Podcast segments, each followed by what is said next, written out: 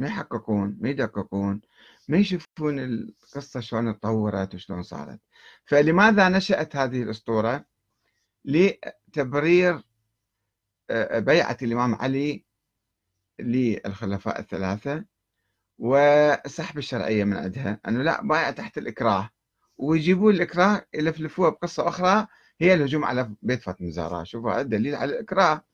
وطبعا هذا أول من روى الرواية بهذه الصورة.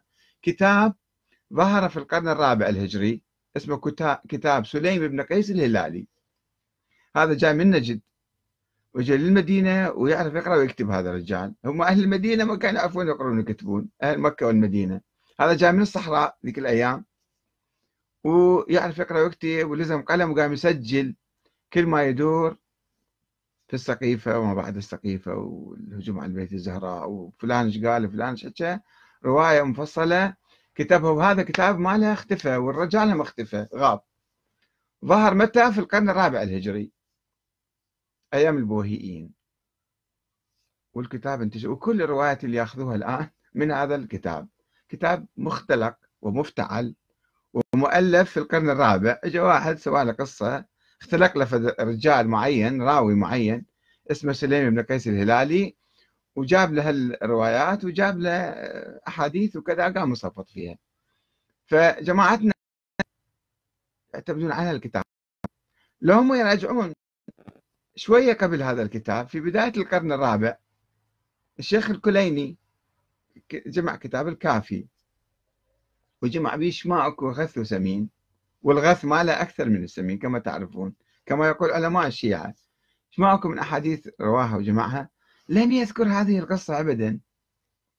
ولم تكن معروفة في حياة الأئمة في القرن الأول والثاني والثالث. ما حد بيذكرها.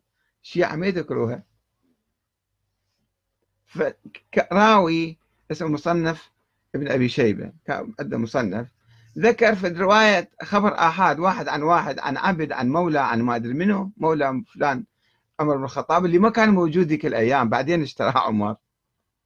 أنه آه، عمر قال آه، اعتصم بعض الصحابة في بيت الإمام علي وقال لهم تعالوا اخرجوا بايعوا وإذا ما تخرجون قالوا له أحرق عليكم الدار قالوا له بالبيت في فاطمة؟ قال وين؟ هاي الكلمة. لا حرق ولا عصر ولا سقط جنين ولا هاجم الدار ولا كذا. بعدين صارت القصة كأنها حقيقة وقامت تتطور. هذا المؤلف في بدايات القرن الثاني الهجري. كلمة رواها ومشت تطورت اجى البلاذري واجى آه، ابن قتيبة واجى فلان. واحد بعد واحد قام يزيدون عليها.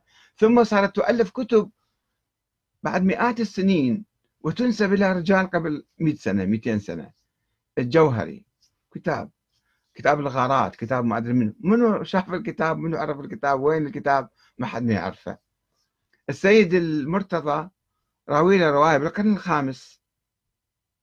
أنه رواية عن هذا ما أدري الغارات عن الإمام الصادق. أنه الإمام علي لم يبايع حتى رأى الدخان في بيته. هذه رواية بالقرن الخامس ولا 500 سنة يعني.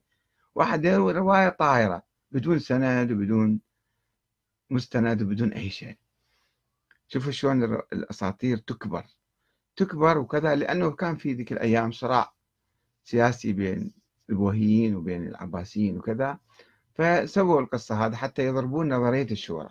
هم العباسيين ما طبقوا الشورى ولا الأمويين طبقوا الشورى. ولا الفاطميين حتى طبقوا الشورى. لما صار الحكم بيديهم ما طبقوا الشورى أخذوها وراثة. مثل العباسيين مثل الأمويين. بس لازم يسحبون البساط من تحت العباسيين في القرن الرابع والخامس. آه، فيسحبون الشرعية من تحتهم. أن الحكم مو لكم أنتم منه الحكم إلنا لازم يصير. فإذا لازم نضرب نظرية الشورى ونروح على آه، نظرية النص. وصار أيام البوهيين.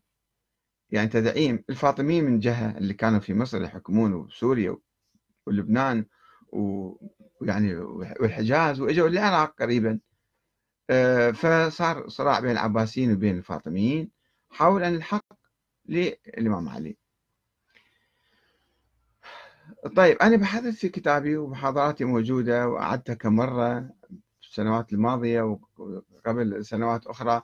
أي واحد يحب يستمع للمحاضرة بالتفصيل والمقالة موجودة على الصفحة مالتي وبالكتاب مالتي أيضا هذا الكتاب الشيعة والسنة السنة والشيعة وحدة الدين ما عندنا خلاف حول الدين إنما الخلاف حول السياسة والتاريخ.